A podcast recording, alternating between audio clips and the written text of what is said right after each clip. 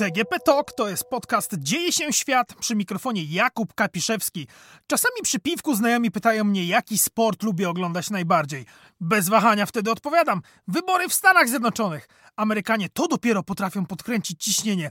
Nie to co nasze europejskie nudy z drugą turą czy coś takiego. Nie, kolegium elektorów i ta mapa Ameryki, na której poszczególne stany kolorowane są na czerwono lub na niebiesko i wszyscy liczą. Do prezydentury potrzebuje jeszcze trzech takich stanów albo pięciu innych stanów. To są dopiero emocje, nawet znacznie większe niż kiedy Adam Małysz bił rekordy na kolejnych skoczniach. Płyń, płyń! Jest!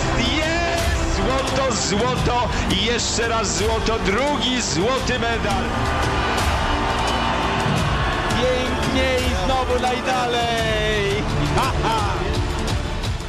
Właściwie w Stanach brakuje tylko Włodzimierza Szaranowicza, który krzyczy Leć Donald, leć po Biały Dom, po złoto, po drugą kadencję. Więc jeśli w porannym talk show Fox and Friends zwolni się miejsce, bo na przykład, nie wiem, odejdzie wreszcie Steve Ducey, to panie Mardok, zastępca, czeka w środkowej Europie. Ale i bez tego emocji jest co niemiara. Po pierwsze, w momencie, kiedy nagrywamy ten podcast, wciąż nie są znane kompletne wyniki wyborów, chociaż wiele wskazuje na to, że w Białym Domu lada moment rozgości się Joe Biden, a wyprowadzi Donald Trump. Warto jednak pamiętać, że Amerykanie wybierali teraz także kompletny skład Izby Reprezentantów. Ha, to jest dopiero coś. Wyobrażacie sobie, będąc posłem, ubiegać się o mandat co dwa lata? Welcome to America! Oraz jedną trzecią Senatu. Bez przeliczenia wszystkich głosów nie wiemy więc, jak będzie przedstawiała się sytuacja w kongresie. Swoją drogą, naprawdę Ameryko? Tyle dni liczyć 150 milionów głosów? W Indiach krócej zajmuje przeliczanie 600 milionów, chociaż na usprawiedliwienie demokracji za Atlantyku można dodać, że głosowanie bywa tam dość skomplikowane, a do wypełnienia jest mnóstwo papierów, ponieważ oprócz prezydenta kongresmenów, senatorów, wybiera się tam przy okazji także gubernatora oraz przedstawicieli legislatur stanowych, a do tego wyborcy decydują także o losie lokalnych inicjatyw. Bo wiecie, my w ramach demokracji partycypacyjnej możemy przeznaczyć 10 tysięcy złotych na budowę chodnika albo przewijaka w parku. Oregończycy zdekryminalizowali właśnie posiadanie niewielkich ilości kokainy, heroiny, metamfetaminy, a nawet psylocybiny, tej od grzybków. Jeśli chcemy więc wyciągać wnioski, musimy przyjąć najpierw parę założeń. Po pierwsze, że pod koniec stycznia w Stanach zacznie urzędować 46. prezydent, bo najwyraźniej 45. nie pomogło oficjalne wsparcie Mariusza Maxa Kolonki i największej polsko-amerykańskiej stacji telewizyjnej. Max TV, the largest Polish American television network, endorses officially Donald J. Trump for the President of the United States. Po drugie, że demokratom udało się utrzymać większość w Izbie Reprezentantów, ale nie zdobyli Senatu. Gotowi? No to jedziemy.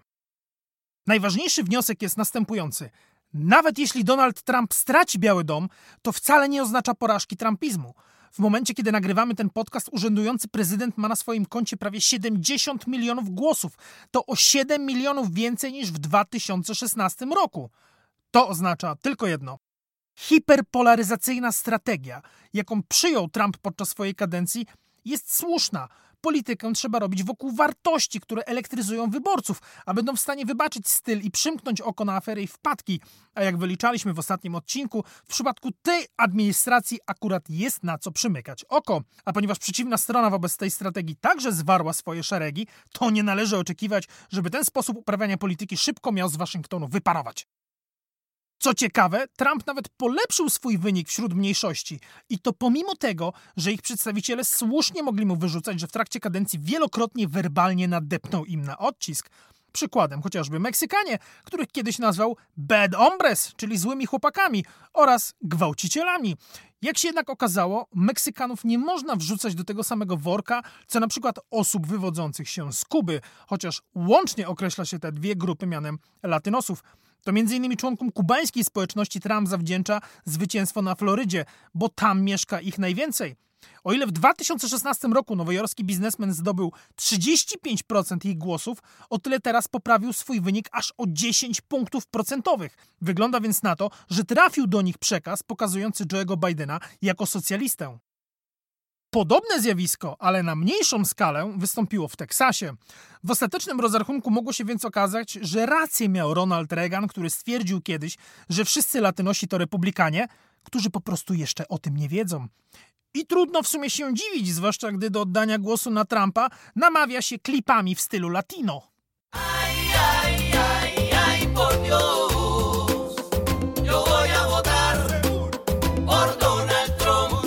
Prawda, że nóżka sama zaczyna tupać? No to jeszcze trochę.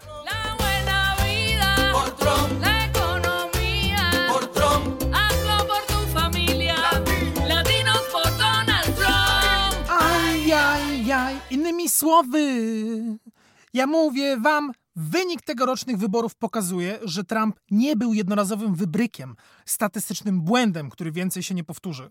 Oparta głównie na prowincji koalicja, jaką zmontował prezydent, przetrwała 4 lata.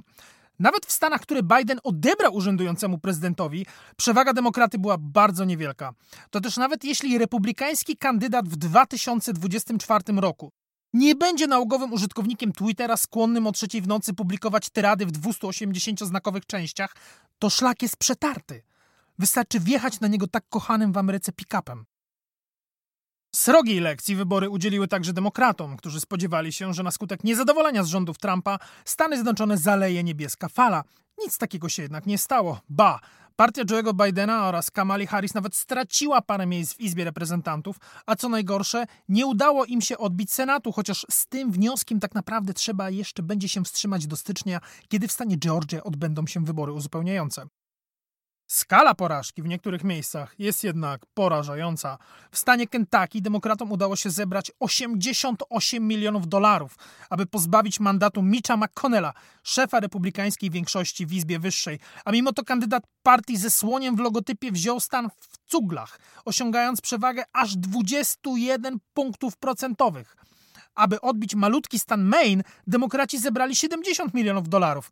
I tam też się nie udało bo to nie fundraising zawiódł, ale polityczny przekaz.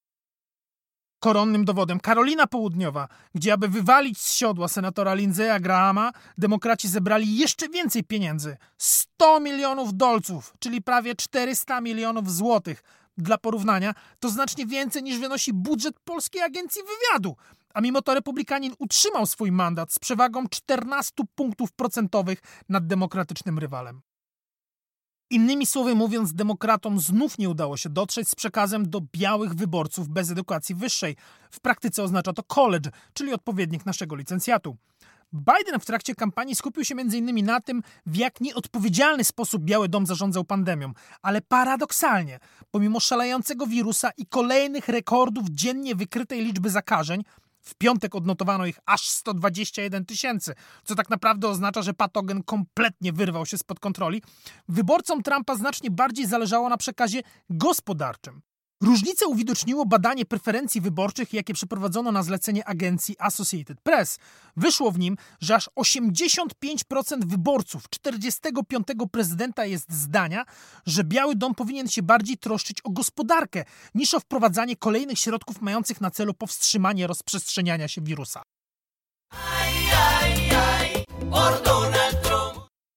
Jeśli okaże się, że sen o ustrzeleniu politycznego hatryka, czyli odbiciu Białego Domu i Senatu oraz utrzymaniu kontroli nad Izbą Reprezentantów nie spełni się, konsekwencje dla prezydentury Bidena będą opłakane.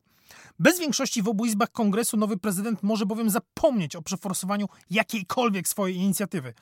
Będzie mógł zapomnieć o nowym Zielonym Ładzie, pakiecie inwestycji infrastrukturalnych i praktycznie każdym innym pomyśle.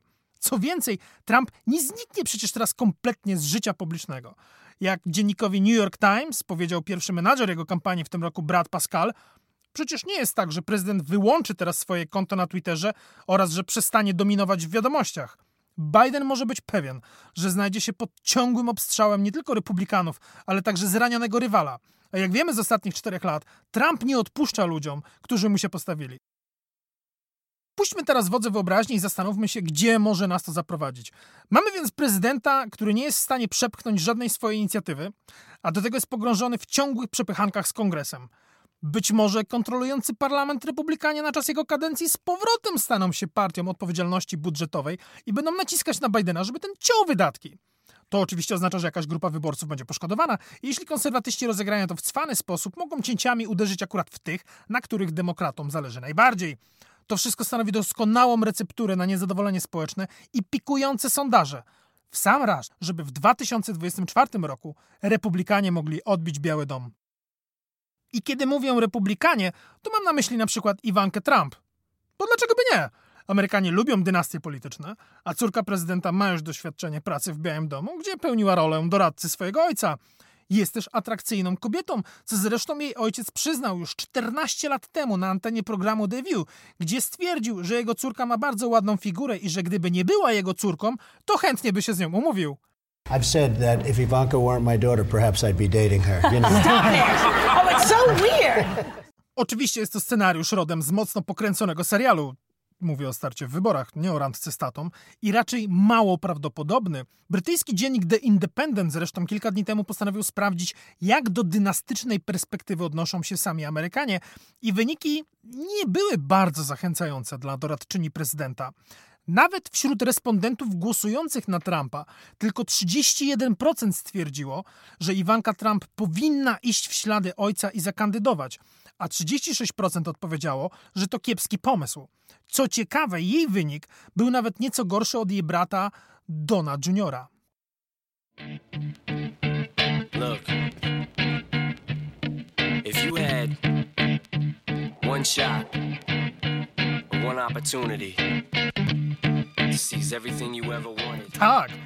Lose Yourself Eminema też zostało wykorzystane w jednym z klipów wyborczych, chociaż prawdę mówiąc, jeśli w ten sposób Joe Biden chciał trafić do młodszych wyborców, to mógł lekko przestrzelić, bo dla amerykańskich milenialsów raper jest takim samym dziadkiem jak Peja dla nastolatków słuchających nad Wisłą Taco Hemingwaya. Rym nie był zamierzony. Otwierające słowa tej piosenki One Shot, One Opportunity, czyli jedna szansa, jedna okazja, to jednak dobry punkt wyjścia do zadania pytania, co właściwie Biden chce osiągnąć jako lokator Białego Domu, w którym kierunku będzie chciał pchnąć amerykańską politykę. Na pewno możemy się spodziewać, że będzie spokojniejszy. Będzie więc mniej obelg, mniej kontrowersji, mniej nagłówków prasowych krzyczących, że prezydent powiedział coś nieprawdziwego. Co i tak było kompletnie bez sensu, ponieważ w ten sposób media tylko amplifikowały przekaz Trumpa, tak, prezydent wielokrotnie zmyślał specjalnie, co zresztą przyznał jego zięć Jared Kushner, właśnie licząc na ten efekt amplifikacji. Biden jest raczej z trochę innej szkoły, gdzie obowiązują bardziej tradycyjne definicje prawdy. Nie zmienia to faktu, że jego pole manewru w polityce wewnętrznej wyznaczy pozycja demokratów w kongresie. Biden raczej nie popiera wizji America First w jej wariancie podejmujemy decyzje i na nikogo się nie oglądamy. Stąd można się spodziewać z jego strony większej sympatii dla międzynarodowych inicjatyw. Z pewnością więc nowy prezydent będzie chciał wrócić do porozumienia paryskiego, aby wysłać silny sygnał, że Stany Zjednoczone chcą uczestniczyć w globalnym wysiłku redukcji emisji gazów cieplarnianych.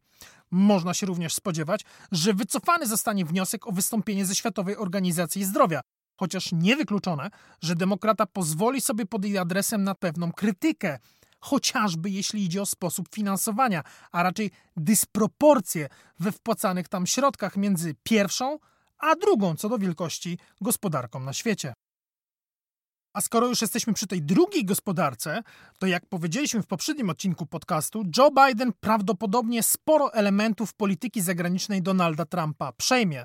Chociażby dlatego, że są wyrazem przemian, które zachodziły w tej dziedzinie jeszcze za czasów Baracka Obamy. Biden więc nagle nie odwróci się od Pacyfiku i nie będzie odpuszczał Chinom, chociaż może zdecydować się na przyjęcie wobec Pekinu bardziej koncyliacyjnego tonu. Pozostanie nam więc przyglądać się, jak na przykład rozwiąże kwestie rozpoczętych za Trumpa negocjacji handlowych, zwłaszcza, że państwo środka od jakiegoś czasu otwiera swój sektor finansowy dla zagranicznych podmiotów. Nie myślcie jednak, że stało się to pod naciskiem biznesmena z Nowego Jorku. Chiny po prostu potrzebują kapitału inwestycyjnego z zewnątrz. Biden z pewnością wyciągnie rękę do Europy, ale niech nie budzi to w nas fałszywego poczucia, że nam odpuści, przede wszystkim w kwestii wydatków na zbrojenia. Nie ma też co liczyć na to, że nowy prezydent będzie chętniej wysyłał amerykańskich chłopców do porządkowania globalnych problemów. Ten etap Ameryka ma raczej na jakiś czas za sobą. Otwarte za to pozostają kwestie chociażby kontaktów z Rosją, losy porozumienia z Iranem, spojrzenie na konflikt izraelsko-palestyński. Rewolucji nikt się jednak nie spodziewa, bo też kandydat demokratów Nic takowego nie zapowiadał. A co do wyprowadzki spod Pennsylvania Avenue, gdzie mieści się Biały Dom? No cóż, panie prezydencie, ostatnie cztery lata to była niezła jazda bez trzymanki. I w pewnym sensie będę miał do pana sentyment, bo nikt, absolutnie nikt już w amerykańskiej polityce nie będzie tak wspaniale nadużywał przymiotników piękny i cudowny. Thank you for your service. Proszę Państwa, po tym latach jest trudno mówić. Było pięknie i coś się niewątpliwie zamknęło. DGP Talk to był podcast Dzieje się świat. Jakub Kapiszewski. Do usłyszenia. Ay, ay,